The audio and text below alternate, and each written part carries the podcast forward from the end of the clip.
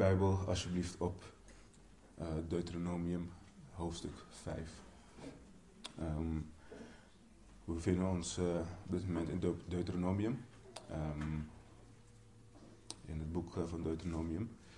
Um, en de afgelopen weken en ook de komende weken bevinden we ons specifiek in de tien geboden.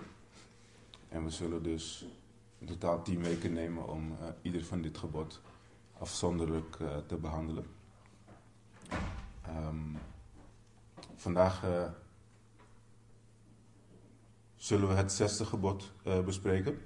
En we kijken wat de Heer ons daardoorheen wil leren. Um, voor degenen die geen Bijbels hebben, je kan je hand opsteken en dan zal iemand een Bijbel naar je toe brengen. En als je nog geen Bijbel hebt, dan mag je dit um, als een gave van de Heer zien. En mag je hem dus, uh, dus houden. Um, laten we maar gelijk de tekst induiken. Uh, bidden. En dan kijken wat de Heer tot ons wil spreken deze ochtend. Um, Deuteronomium hoofdstuk 5. Uh, en we pakken hem op vanaf vers 6. Ik ben de Heer, uw God die u uit het land Egypte, uit het slavenhuis geleid heeft. U zult geen andere goden voor mijn aangezicht hebben. U zult voor uzelf geen beeld maken, geen enkele afbeelding van wat boven in de hemel of beneden op de aarde of in het water onder de aarde is. U zult zich daarvoor niet neerbuigen en die niet, en die niet dienen. Want ik, de Heere, uw God, ben een naijverige God die de misdaad van de vaderen vergeldt aan de kinderen, aan het derde en het vierde geslacht van hen die mij haten. Maar de barmhartigheid doet aan duizenden van hen die mij liefhebben en mijn geboden in acht nemen. U zult de naam van de Heer uw God niet ijdel gebruiken. Want de Heer uh, zal niet voor onschuld houden wie zijn naam ijdel gebruikt. Neem de Sabbatdag in acht, om die te heiligen, zoals de Heere uw God u geboden heeft. Zes dagen zult u arbeiden en al uw werk doen, maar de zevende dag is de Sabbat van de Heere, uw God. Dan zult u geen enkel werk doen, nog u, uh, u, nog uw zoon, nog uw dochter, nog uw dienaar, nog uw dienares, nog uw rund, nog uw ezel, nog enig vee van u, nog uw vreemdeling die binnen uw is, opdat uw dienaar en uw dienares rusten zoals u. Want u zult in gedachten houden dat u slaaf geweest bent in het land Egypte. En de Heere uw God u vandaar uitgeleid heeft met sterke hand en uitgestrekte arm. Daarom heeft de Heere uw God u geboden de, hele, sorry, de dag van de Sabbat te houden. Eer uw vader en uw moeder, zoals de Heere uw God u geboden heeft, opdat uw dagen verlengd worden en omdat, u het, omdat het u goed gaat in het land dat de Heere uw God u geeft. U zult niet doodslaan en u zult geen overspel plegen. U zult niet stelen. U zult geen vals getuigenis spreken tegen uw naaste. U zult niet begeren de vrouw van uw naaste. U zult uw zinnen niet zetten op het huis van uw naaste, nog op zijn akker, nog op zijn dienaar, nog op zijn dienares, nog op zijn rund, nog op zijn ezel, nog op iets van wat uw naaste is. Deze woorden sprak de Heer tot heel uw, heel uw gemeente op de berg vanuit het midden van het vuur. De wolken en uh, donkerheid met luide stem. Hij voegde er niets aan toe. Hij schreef ze op twee stenen tafelen en gaf ze aan mij. Dus Mozes. Laten we bidden. Vader, dank u wel voor, uh, voor uw geboden, heren. Heren, dank u wel voor de woorden die u overgeleverd heeft aan ons. Heer, als we vannacht uw woord induiken, heren, bid ik dat het tot ons hart zal spreken, Heer. En dat we ook hier doorheen, heren, steeds meer en meer gelijkvormig mogen worden aan uw Zoon Jezus Christus. Heer, ga voor ons uit, ga voor mij uit, Heer. En uh, bid u dit in Jezus' naam. Amen.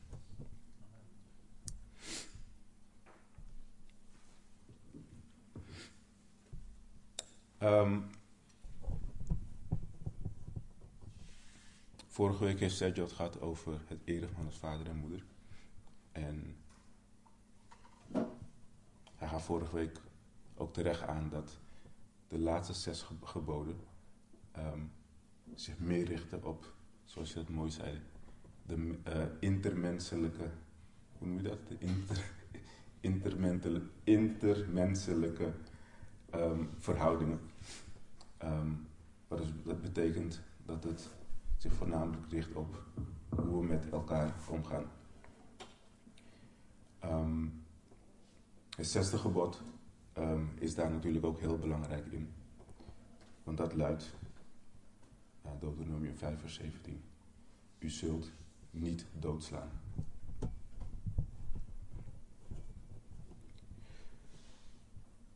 Als we dit gebod bekijken, um, als we de opdracht van het zesde gebod lezen, dan zou je misschien kunnen denken dat het een heel simpel en voor de hand liggend gebod is om te houden.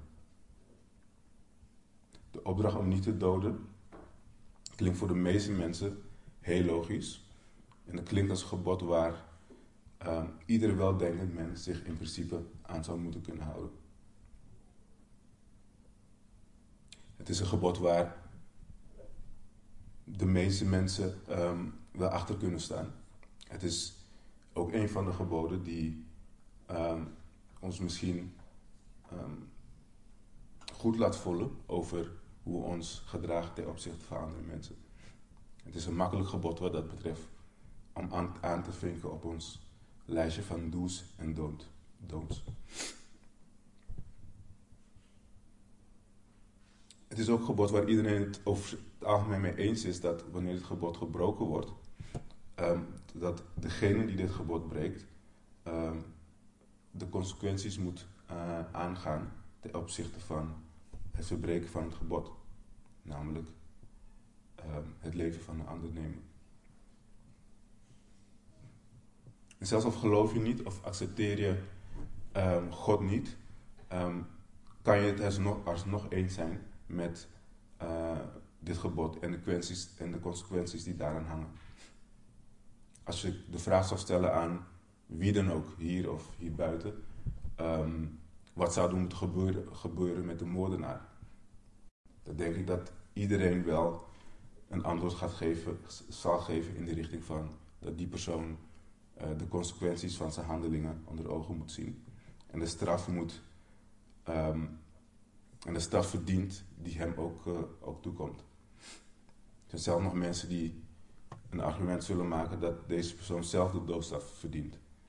Um, en tegelijkertijd zijn er ook mensen die, daar ook, die dat niet eens zo vreemd zouden vinden. Dus op het eerste gezicht lijkt het een heel simpel gebod en iets waar we, ja, waar we het allemaal over eens kunnen zijn. Dat we een ander niet uh, horen te doden.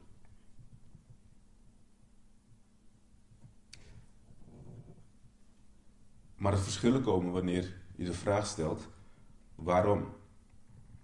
Wat is de reden om dit gebod te, te accepteren? Wat is de reden waarom je in zou stemmen met dit gebod? Is het omdat je anders de gevangenis in zou gaan? Is het omdat je door het leven iemand te nemen misschien wel onherstelbare schade aanricht aan de nabestaanden van, de, van deze persoon? Of van uh, ja, de persoon uh, die je van het leven berooft? Of vind je dat het simpelweg is omdat wij niet mogen bepalen uh, over het leven van een ander? Al deze redenen die ik net noemde zijn plausibel. Um, en het zijn redenen, het zouden redenen kunnen zijn om je te houden aan dit gebod. Um, maar dit gebod gaat veel verder dan dat. Um, dit gebod, ehm, hoewel de, wat ik zeg, de dingen die ik net noemde heel plausibel zijn, zijn dit niet de redenen waarom God ons verbiedt om een ander uh, te doden. De basis van het gebod is de erkenning namelijk van de positie van God ten opzichte van de mens en de positie van onze mensen ten opzichte van elkaar.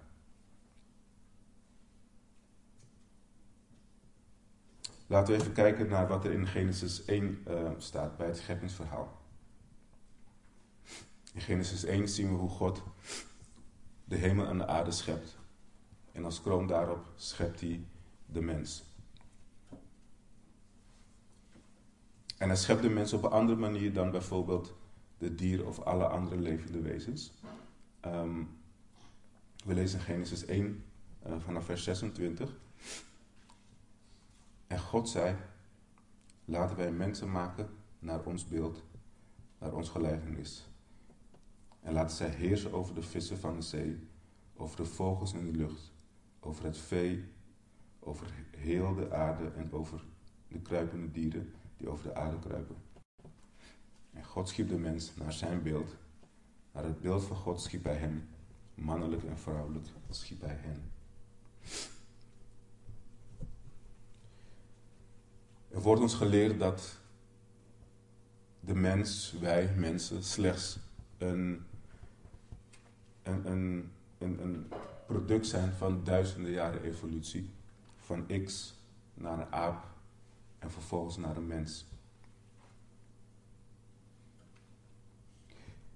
Dit zorgt ervoor dat, of dit betekent eigenlijk dat, um, um, dat er niks bijzonders zou zijn aan ons als mensen. Dat we simpelweg ja, geëvalueerde apen zouden zijn en um, ja, ten opzichte van de andere dieren niet heel anders zijn, behalve dan dat we het misschien iets beter hebben dan de andere apen die zich bevinden elders op de wereld. Maar los van dat dit, deze gedachten een, een, ja, een, een, praktische en morele problemen met zich meebrengen, gaat dit, simpel, oh, gaat dit simpelweg um, rechtstreeks tegen het woord van God in. We lezen namelijk in het woord van God, zoals we net ook hebben gelezen. Sorry, die vlieg is heel irritant. Sorry, we lezen, um, zoals we net hebben kunnen lezen in het scheppingsverhaal, dat God heeft bij de schepping de uniekheid van een mens vastgeteld en bepaald. We zijn geschapen in zijn evenbeeld en gelijkvormig aan, um, aan zijn, ja, aan zijn aan, aan, hoe weerspiegelen wat dat betreft zijn, zijn beeld. En we zijn aangesteld als heersers over deze aarde. God heeft ook de waarde van het leven van de mens boven dat van de dieren geplaatst. De waarde van een mens, hoe ja, onpopulair het misschien is om in deze tijd te zeggen, staat niet gelijk aan de waarde van het dier. In Genesis 9 ehm, lezen we hoe God een oordeel stelt over het nemen van een leven van een, van een, van een mens uh, ten opzichte van dat van uh, bijvoorbeeld dieren.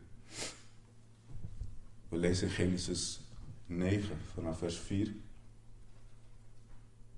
Maar vlees met zijn leven, zijn bloed, zijn bloed er nog in, mag u niet eten. Voorzeker, ik zal vergelding eisen voor uw bloed, voor uw levens.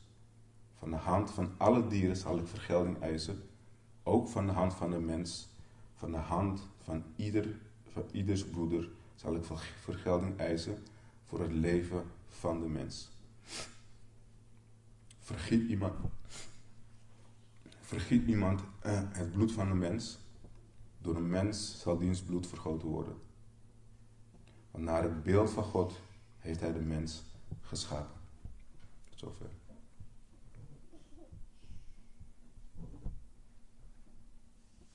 Het zijn dus niet alleen dieren die hun leven moeten bekostigen wanneer ze, die met, die met hun leven moeten betalen wanneer ze een mens doden.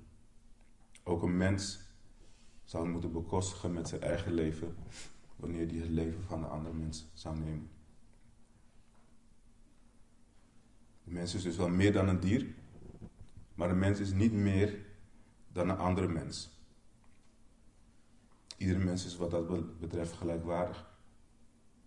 Wij hebben als mensen niet de recht of de bevoegdheid om het leven van een ander te nemen. Moord is dus. sorry, moord is dus, is dus verboden door God. Omdat God degene is die het leven aan de mens heeft gegeven. En dat hij zich het eigen recht heeft voorbehouden om het leven van een mens te geven en ook weg te nemen.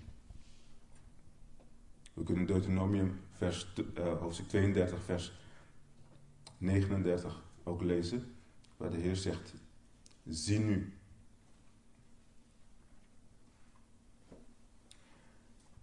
Zie nu in dat ik, zie nu in dat ik, uh, ik die ben, er is geen God naast mij.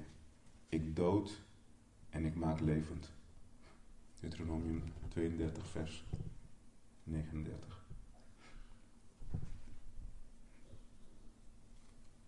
Het is dus voor een christen niet alleen een morele kwestie, maar ook een gehoorzaamheidskwestie en ontzag voor onze God dat we ons houden aan dit gebod. En je kan de vraag krijgen van, een, een, een van iemand, waarschijnlijk een ongelovige. Heb je dan nou echt God nodig om je te houden aan het gebed, oh sorry, aan het gebod om iemand niet te doden?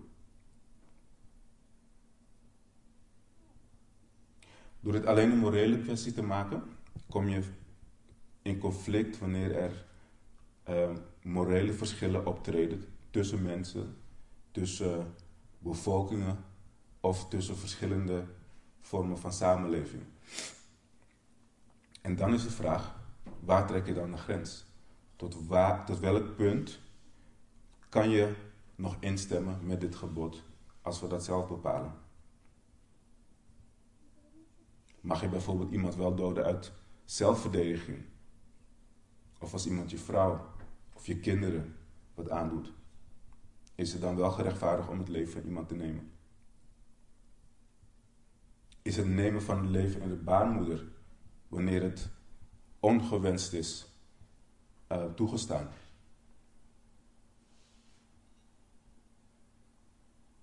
Is het toegestaan om op verzoek van iemand anders zijn leven te nemen? Bijvoorbeeld door hem een spuitje toe te dienen, omdat hij het niet meer ziet, niet ziet, ziet zitten. En hoe zit het dan met het nemen van je eigen leven?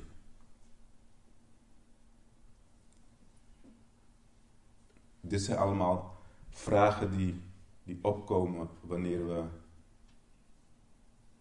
wanneer we onze eigen moraliteit gaan, gaan plakken op dit gebod. Maar door ons onderschikken aan het gezag en het gebod van God en de waarde van het leven dat Hij heeft gegeven, het te erkennen en te eren, dan zal ons antwoord op al deze vragen er niet eens zijn uit emotie, maar ook niet uit subjectieve moraliteit. Dus heb je God nodig om je ervan te weerhouden om het leven van iemand te nemen? Het antwoord daarop is ja. Het is makkelijk wanneer het een ver van je bedshow is ehm, om antwoord op deze vraag te geven. Het lijkt een, hele simpele en misschien wel voor de wereld een belachelijke vraag.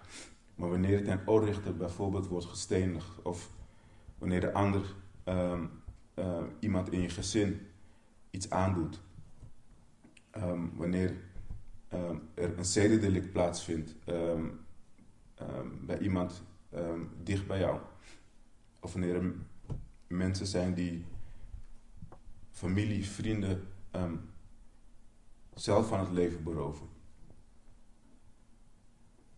Dit zijn dingen die voor sommige van onze broeders en zusters, soms hier, maar voornamelijk in andere landen, aan de orde van de dag zijn.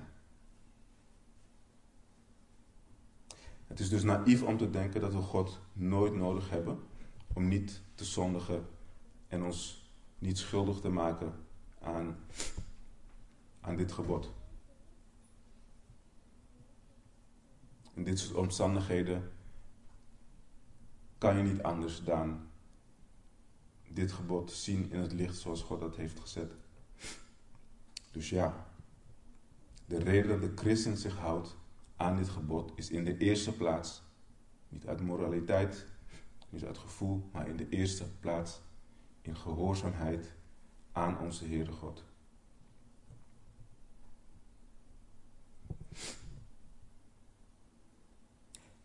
De Joden um, beseften dit ook en zagen ook ehm,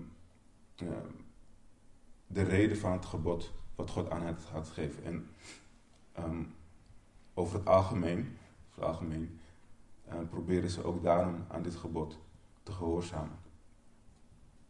Als we verder in de Torah uh, lezen, dan krijgen we een iets beter inzicht van de toepassing van deze wet, zoals God dat heeft uh, overgeleverd aan de Israëlieten in die tijd. In zijn soevereiniteit maakt God in de wet onderscheid tussen moord en doodslag. Ik weet niet of dat de juridische termen zijn, maar um, hij maakt onderscheid tussen opzettelijk en onopzettelijk doden van een mens. En er hingen ook, er ook verschillende gevolgen aan de een ten opzichte van de ander. Als we bijvoorbeeld kijken wat er staat in Exodus 21 vanaf vers 12, dan lezen we het volgende. Sorry, ik heb, ik heb geen slides. Dus uh, ik moet even zelf opzoeken. Wie iemand zo slaat dat hij sterft, moet zeker gedood worden. Maar voor het geval dat hij het niet, dat hij, dat hij het er niet op toelegde, maar God het zijn hand liet overkomen, zal ik voor, voor een plaats voor u zorgen waar hij naartoe kan vluchten. Maar wanneer iemand moedwillig tegen zijn naaste optreedt en hem met list doodt, moet hem bij mij altijd vandaan halen zodat hij zal sterven. Exodus 21, vers 12 tot en met 14. Moord met voorbedachte raden wordt bestraft, werd bestraft met de dood. Terwijl moord dat niet met voorbedachte raden was, ook gevolgen had, maar anders werd bestraft. Moord door nalatigheid werd door God net zo bestraft als uh, moord met voorbedachte daden. Wanneer men weet of wist van een reëel gevaar ten opzichte van een ander, maar opzettelijk, um, het opzettelijk vermeed om, om daar wat aan te doen, dan werd deze persoon ook schuldig bevonden aan, aan moord. Verder in Exodus 21, vanaf vers 28 lezen we dit. En wanneer een rund, een man of een vrouw zo stoot dat deze sterft, moet het rund zeker gestenigd worden en mag zijn, vlees niet worden gegeten. De eigenaar van het rund echter, sorry, de eigenaar van het rund gaat echter vrij uit. Maar als het rund al eerder uh, stotig was en zijn eigenaar daarvoor gewaarschuwd was, maar hij het niet bewaakte, en als er dan een man of een vrouw doodt, moet de rund gestenigd worden, maar ook zijn eigenaar moet er doodgebracht worden. Als hem, hem een afkoopsom wordt opgelegd, moet hij als losprijs voor zijn leven alles geven wat van hem, wat hem wordt opgelegd. Exodus 21, vers 28 tot en met 30. In het geval van uh, zoals je leest van indirecte schuld, um, is het zo dat hoewel de doodstraf hierop uh, werd gegeven, de eigen, uh, ten opzichte van de eigenaar, um, was er een mogelijkheid voor nabestaanden van het slachtoffer om te kiezen um, om het leven van de persoon te sparen en daarentegen losgeld te vragen. En de schuldige kon daarin niet onderhandelen over, over de prijs.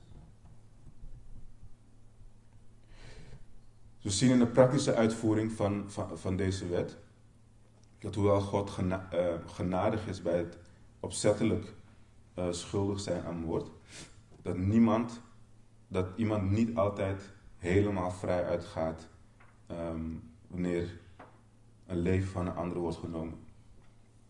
En wanneer er sprake is van opzettelijk of indirecte schuld uh, aan moord, dan moet deze persoon dit bekostigen met zijn leven. Dus we zien dat God dit, dit heel serieus nam. En deze wetten werden niet simpelweg gegeven om een goede, um, gebalanceerde samenleving um, te houden.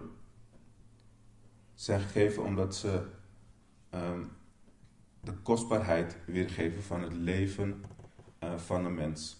En het ons en hen ook herinnerde aan um, dat de mens niet het recht heeft om een ander mens leven te nemen.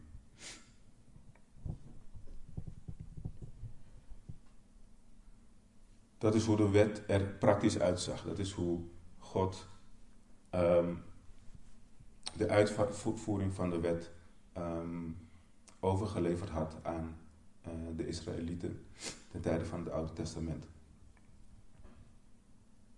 Tot nu toe kan het nog steeds zo zijn dat, ja, dat we ons niet per se druk maken over uh, de overtreding van, van, van dit gebod. Um, nogmaals, misschien voel je je juist goed omdat we niet in de verleiding komen om, om een ander te doden of iemand wat dat betreft op die manier iets aan te doen. Romeinen 5 leert ons dat de wet niet gegeven is om onszelf een goed gevoel te geven of om ons te laten berusten in dat we het wel zo goed doen. Nee, Romeinen 5 leert dat de wet is gegeven om onze zonde bloot te stellen. Paulus schrijft in Romeinen, um, sorry, wat zei Romeinen 5? Ik bedoel Romeinen 7. Ja, Romeinen 7. Paulus schrijft in Romeinen uh, 7, vers 7. Wat zullen wij dan zeggen? Is de wet zonde? Volstrekt niet. Ja, ik zou de zonde niet hebben leren kennen dan door de wet.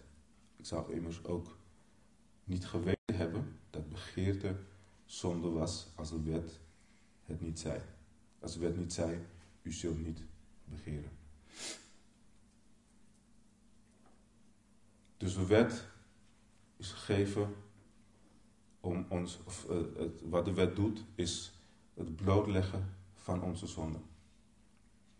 De schriftgeleerden en de fariseeërs en ook het Joodse volk in die tijd waren, net zoals misschien velen van ons ook van mening, dat uh, ze zich wel hielden aan dit gebod. Maar ook dit zesde gebod is er, is er een die de zonde bij in ieder van, in ieder van ons blootlegt.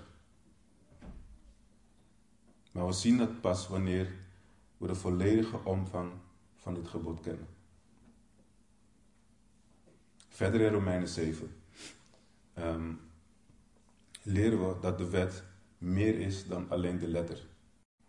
We lezen namelijk dat de wet geestelijk is. In Romeinen 7, vers 14 lezen we het volgende. Want wij weten dat de wet geestelijk is, maar ik ben vleeselijk verkocht onder de zonde, schrijft Paulus. Zou zeggen, het is dus niet voldoende om het zesde gebod alleen te zien als simpelweg niet moorden. We moeten het zesde gebod in een brede context houden. En Jezus legt in de bergreden in Matthäus 5 ook uit dat het gebod zich niet alleen beperkt tot de daad zelf, maar dat het spreekt rechtstreeks tot onze harten. Jezus breidt de, oud, de oud-testamentische leer over moord verder uit en wijst ons op, uh, op gehoorzaamheid dat de wet, uh, wijst op gehoorzaamheid op de wet die veel verder gaat dan simpelweg de letter en verder gaat dan um, de praktische implicaties van, het wet, van de wet. Sorry. Hij openbaart namelijk de geestelijke betekenis van wat de wet inhoudt. Wat deze wet specifiek ook inhoudt. Want volgens de letter van de wet zien we dat bijvoorbeeld Mozes, ehm, toen hij de Egyptenaar doodde, uh, omdat hij zijn broeders wilde beschermen, dat Mozes volgens de wet, volgens de letter van de wet, een moordenaar is. Volgens de letter van de wet is ook David, toen hij uh, um, Uria doodde, de, vrouw van, de man van Bethseba, um, omdat hij Bethseba zelf als vrouw wilde hebben, is David ook een moordenaar. En ook koning Agab is een moordenaar, omdat hij uh, na, uh, Napta, heet hij volgens mij, ook doodde om vervolgens een stuk land in bezit te nemen.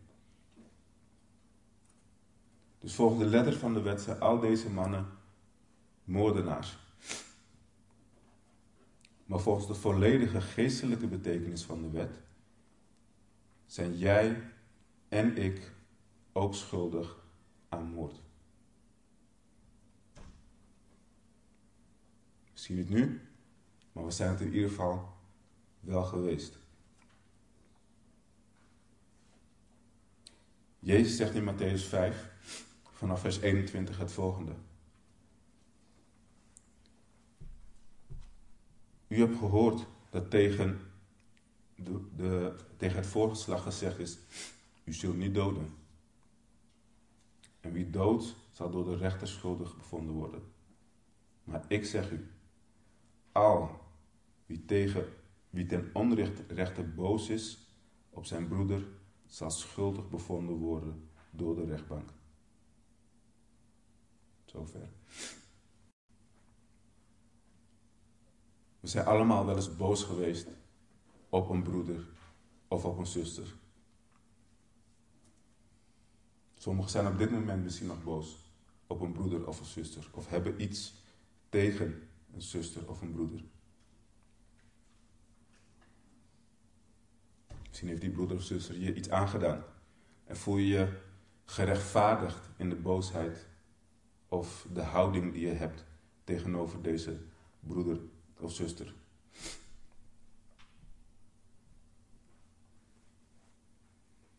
En de, zal ik noemen, de oplettende christen zal, zijn, um, zal rechtvaardigheid zoeken uh, voor zijn boosheid uh, op zijn broeder of zusters in de woorden onterecht boos. Ja, ik ben boos, maar de Heer zegt wie onterecht boos is. Maar ik ben terecht boos. Maar is er een bijbelse grond om boos te zijn, terecht boos te zijn op een broeder of een zuster? In Efeze 4, vers 26 schrijft Paulus het volgende. Efeze 4, vers 26. Paulus schrijft: Word boos maar zondig niet. Word boos, maar zondig niet. Laat de zon niet ondergaan over uw boosheid. Dit vers wekt het idee dat we op, oprecht boos kunnen en mogen zijn, mogen worden. Maar het volgt gelijk op met de opdracht die Paulus geeft om deze boosheid bij de Heer te brengen en het niet te laten sudderen in ons hart. Dit vers spreekt niet over boos zijn op een broeder of een zuster. Er staat ook nergens dat deze boosheid goed is. Het feit dat Paulus in één en dezelfde adem uh, ons opdraagt om, om, om deze boosheid gelijk af te leggen, toont dat dit geen vrijbrief is om boos te zijn en zeker niet om boos te blijven. Sterker nog, Paulus waarschuwt dat als we dit niet doen, dat dit de duivel een kans geeft om hiermee aan de slag te gaan. Zegt in vers 27, geef de duivel geen plaats. Ik kan geen bijbelse grond vinden om boos te zijn op een broeder, van terecht boos te zijn op een broeder of op een zusters. We worden keer op keer opgeroepen in Gods woord tot geduld, tot nederigheid, tot vergevensgezindheid, tot genadigheid ten opzichte van onze zusters en broeders. In Colossense 3, vers 12 en 13 lezen we: Kleed u zich dan als uitverkoren van God, heilig en geliefden, heilige en geliefden, met innerlijke gevoelens van ontferming, vriendelijkheid, nederigheid, zachtmoedigheid, geduld. Verdraag elkaar en vergeef de een de ander als iemand, uh, als iemand tegen iemand anders een klacht heeft, zoals ook Christus u vergeven heeft. Zo moet u ook doen. Zo moet ook u doen. Colossense 3, vers 12 en 13. En keer op keer nogmaals worden we opgedragen in het woord om deze houding te hebben tegenover onze broeders en zusters. En als er nog enig twijfel is over jezelf gerechtvaardigd voelen om um, gevoel van woede of wat dan ook tegen een broeder te hebben, kijk dan naar de woorden die Johannes schrijft in 1 Johannes hoofdstuk 3 vers 15. 1 Johannes hoofdstuk 3 vers 15 schrijft Johannes. Ieder die zijn broeder haat, ieder, ieder die zijn broeder haat, is een moordenaar. En u weet dat geen moordenaar het eeuwige leven blijvend in zich heeft. Broeders en zusters, beproef je hart. Als er, nu geen boosheid, als er nu geen boosheid is tegenover een broeder of een zuster, prijs de Heer. Maar hou de woorden van Jezus en ook de apostel in gedachten voor wanneer het punt komt dat een broeder of zuster je wel gaat irriteren. Als je op dit moment iets hebt tegen een broeder of zuster, bekeer je er daarvan. Maak het goed met die persoon. Rechtvaardig je houding niet door de ander te zien als een dwaas. Want Jezus stelt niet alleen boosheid tegen, of sorry, niet alleen, ja, niet alleen boosheid tegen een broeder um, als gelijk aan moord, maar ook hoogmoed.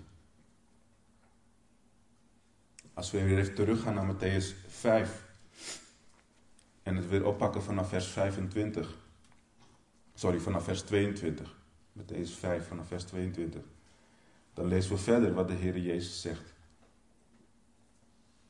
En al wie, zijn tegen zijn broeder zegt, raka, zal schuldig bevonden worden door de raad. Maar al wie zegt dwaas, die zal schuldig bevonden worden door het helse vuur. Als u dan uw gave op het, op het altaar offert en u zich herinnert dat uw broeder iets tegen u heeft, laat uw gave dan bij het altaar achter en ga heen. Verzoen eerst met uw broeder en kom dan terug en offer uw gave. Matthäus 5, 22 tot 24. De termen raka en dwaas zijn niet alleen slecht omdat het niet netjes is om op deze manier tegen mensen te praten. En raka betekent, is vergelijkbaar met dwaas of, of, of idioot of hoe je het ook wil noemen. Iets in die richting. Maar door deze, deze ding te zeggen, door iemand een dwaas of een idioot te noemen, plaatsen we onszelf hoger of beter dan de andere persoon. En dit gaat niet alleen over het fysiek uitspreken van deze woorden, maar het gaat om het gaat over iemand een dwaas of misschien wel een idioot vinden. Ongeacht of je het uitspreekt of niet.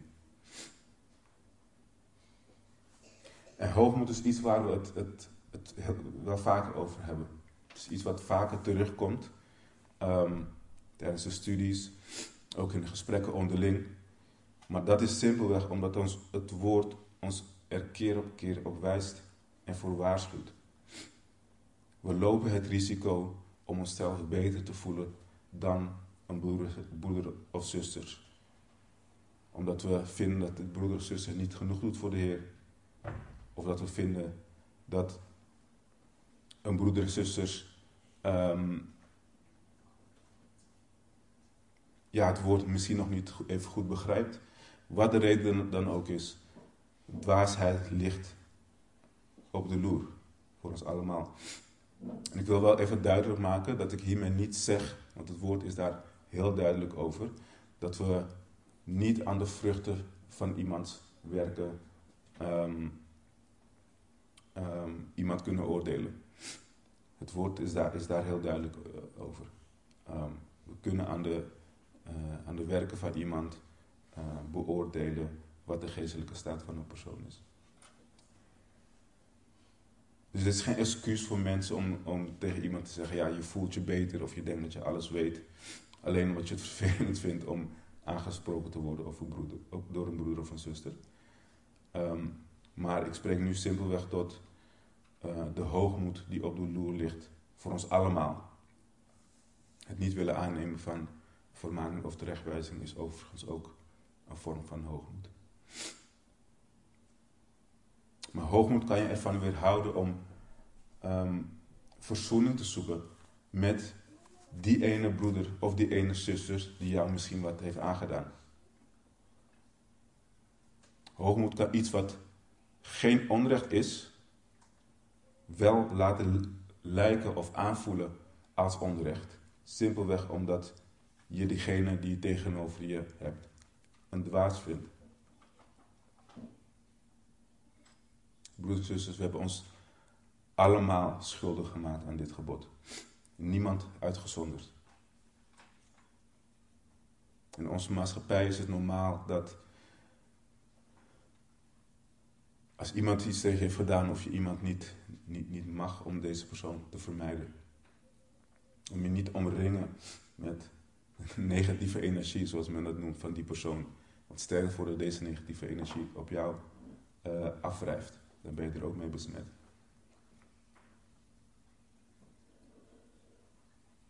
De Bijbel is duidelijk. Het is niet die persoon, niet de negatieve energie van die persoon. Het is ons eigen verdorven hart. Ons eigen hart wat verdorven is. Je hebt daar geen andere mensen voor nodig. De Bijbel zegt: bekeer je van deze houding. Vermijd niet, maar verzoen met je broeder of met je zuster. Wanneer we dit niet doen, leven we willens en wetens in zonde. En we moeten dit niet licht opvatten. Jezus zegt ook verder in Matthäus um, ehm, 5, zegt hij, of leert hij dat voordat we tot de Here kunnen komen, dat we het eerst moeten goedmaken, eerst moeten verzoenen met onze broeder. En dan pas kunnen we tot hem naderen. Dat wil zeggen dat er, zolang er iets tussen mij en mijn broeder in zit, dat dit me ervan weerhoudt om tot de Heer te naderen. Ik weet niet of je wel eens hebt geprobeerd om, om te bidden terwijl je boos bent op een broeder of op een zuster of op je ouders of op je man of vrouw. Misschien wel je kinderen, die ook broeders en zusters zijn. Degenen die het hebben geprobeerd, zullen wel weten dat dit, dat heel ongemakkelijk, misschien wel onmogelijk is om dit, uh, om, dit, om dit te doen. Om zo tot de Heer te naderen. Je wordt direct veroordeeld wanneer je met deze houding tot de Heer nadert. En dat wat Jezus zegt, vindt ook plaats in je hart. Je weet dat je eerst terug moet gaan en je moet verzoenen met degene waarmee je op dat moment ruzie hebt. Zij broeder, zuster, zij man, vrouw, kinderen, wie dan ook. Maar soms zijn we koppig. Soms willen we het niet goed maken. Soms zijn we zo, voelen ons zo gerechtvaardigd in ons woede. ehm, dat we gewoon weigeren om het goed te maken. Als ik voor mezelf kan spreken, zijn dit de momenten dat ik zelf de afstand van de Heer ervaar. Zolang het niet goed is tussen een broeder, zuster, vrouw, kinderen, is het naar mijn ervaring onmogelijk om in alle oprechtheid tot de Heer te naderen. Dus broeders en zusters, neem dit gebod ten harte. Geef de duivel geen kans. Verzoen met je broeder in gehoorzaamheid aan de Heer.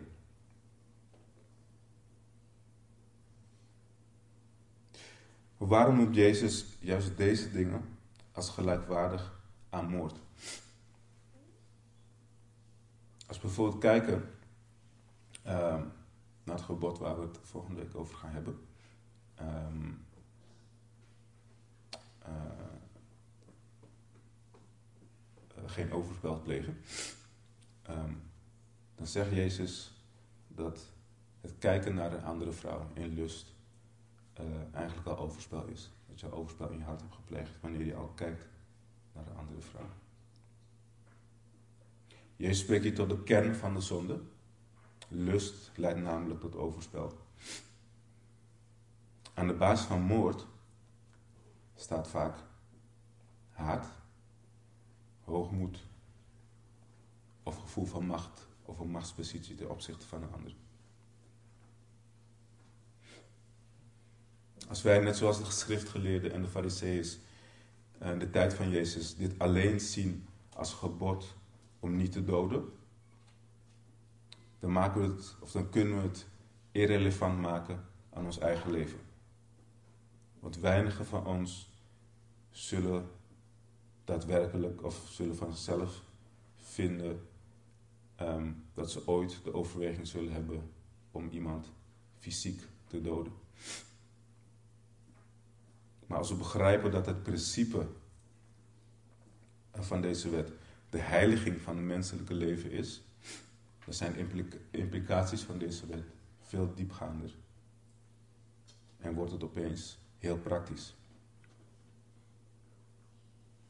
Net als hoe wij niet het recht hebben om het leven van een ander te nemen, uh, omdat we niet meer zijn dan een ander. Zo hebben we ook het recht niet om boos te zijn op een broeder of zusters. Want wij zijn in de ogen van de Heer niet meer en niet beter dan de andere persoon.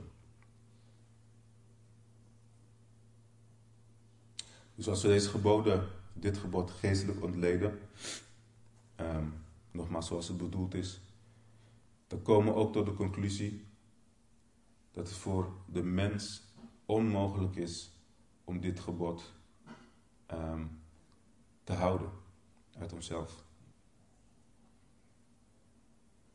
Dus nogmaals, al deze kennis. Heb je het nodig? Heb je God nodig om je aan dit gebod te houden? Als je de volledige omvang van dit gebod begrijpt, dan is het antwoord ja. Natuurlijk ja. Paulus erkende dit ook, zoals we lezen in uh, Romeinen 7. Vers 24 zegt hij: Ik, ellendig mens, wie zal mij verlossen uit het lichaam van deze dood? Ik dank God door Jezus Christus, onze Heer.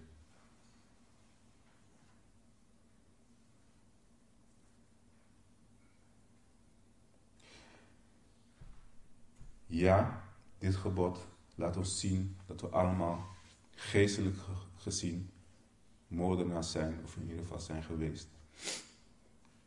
Het waarschuwt ons om dit niet nogmaals te worden. Het legt de ellendige staat van ons hart bloot. Maar het werpt tegelijkertijd ook een blik op het werk van het evangelie. In Romeinen 7 erkent Paulus de on, onkundige staat om dit gebod zelf te houden. En ook om andere geboden zelf te houden. Maar hij kent ook de oplossing die er geboden is voor het gebod. De hoop die we in Christus hebben. Tijdens geleden sprak ik um, een ongelovige vriend van me en um, ik uh, vertelde hem het, het, evangelie. En toen zei ik, het mooie aan het evangelie, hetgeen wat het evangelie onderscheidt ten opzichte van alle andere religies, het zij islam, wat dan ook, is dat God de oplossing heeft geboden. Het is niet wat wij als mensen kunnen doen om deze verlossing te, te ontvangen. Ik zeg, het enige wat de mensen hoeven te doen, is het aanbod aannemen. En ik zei, en daar ligt precies het probleem, tenminste daar wordt eh, de hart van, van de mens ook gelijk zichtbaar. God biedt, biedt de mens iets aan wat gratis te ontvangen is. Maar toch kiest men ervoor om het niet aan te nemen. Omdat we het altijd maar zelf willen doen. En hij hoorde het aan en hij knikte bevestigend. Maar deed er vervolgens zelf niks mee.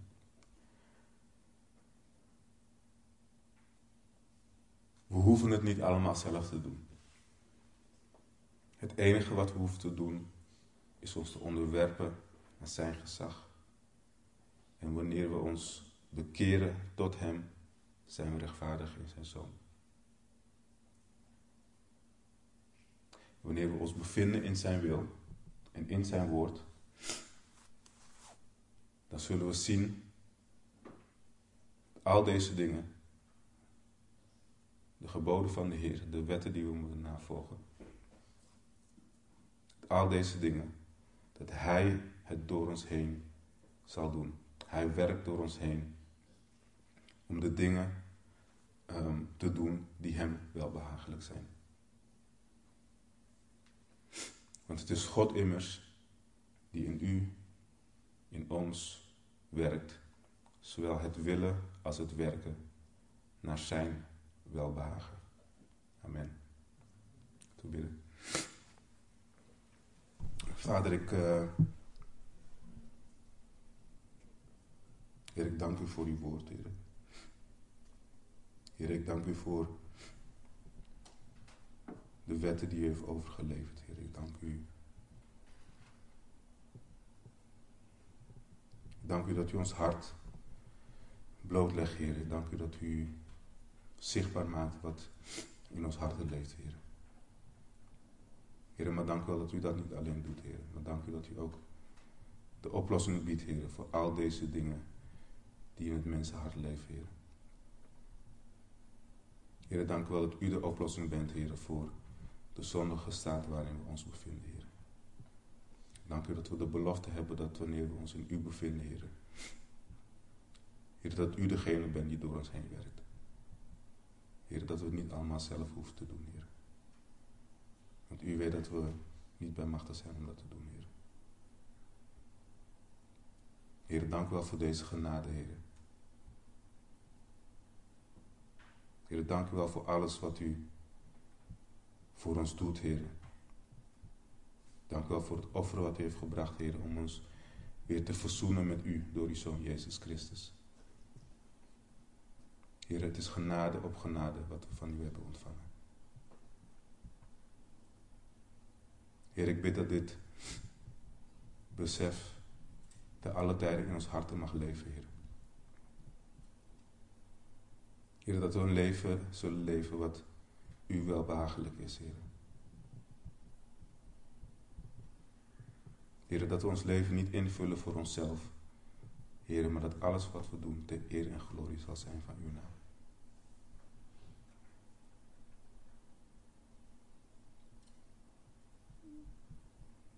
Heer, ik bid dat u vrede binnen de gemeente zal behouden, Heer. Heer, ik bid dat u ons harten, Heer, gericht op u zal houden, Heer. Heer, ik bid dat wanneer we voor de verleiding komen te staan om, ja, om wat voor de reden dan ook, uh, boos te zijn op een broeder of op een zuster. Heer, of wat voor andere gevoelens van,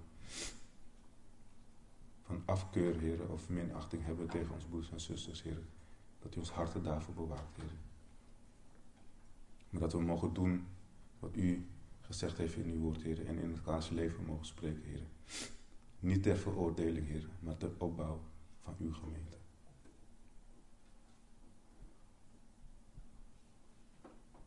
Vader, dank u voor alles wat u doet, Heer.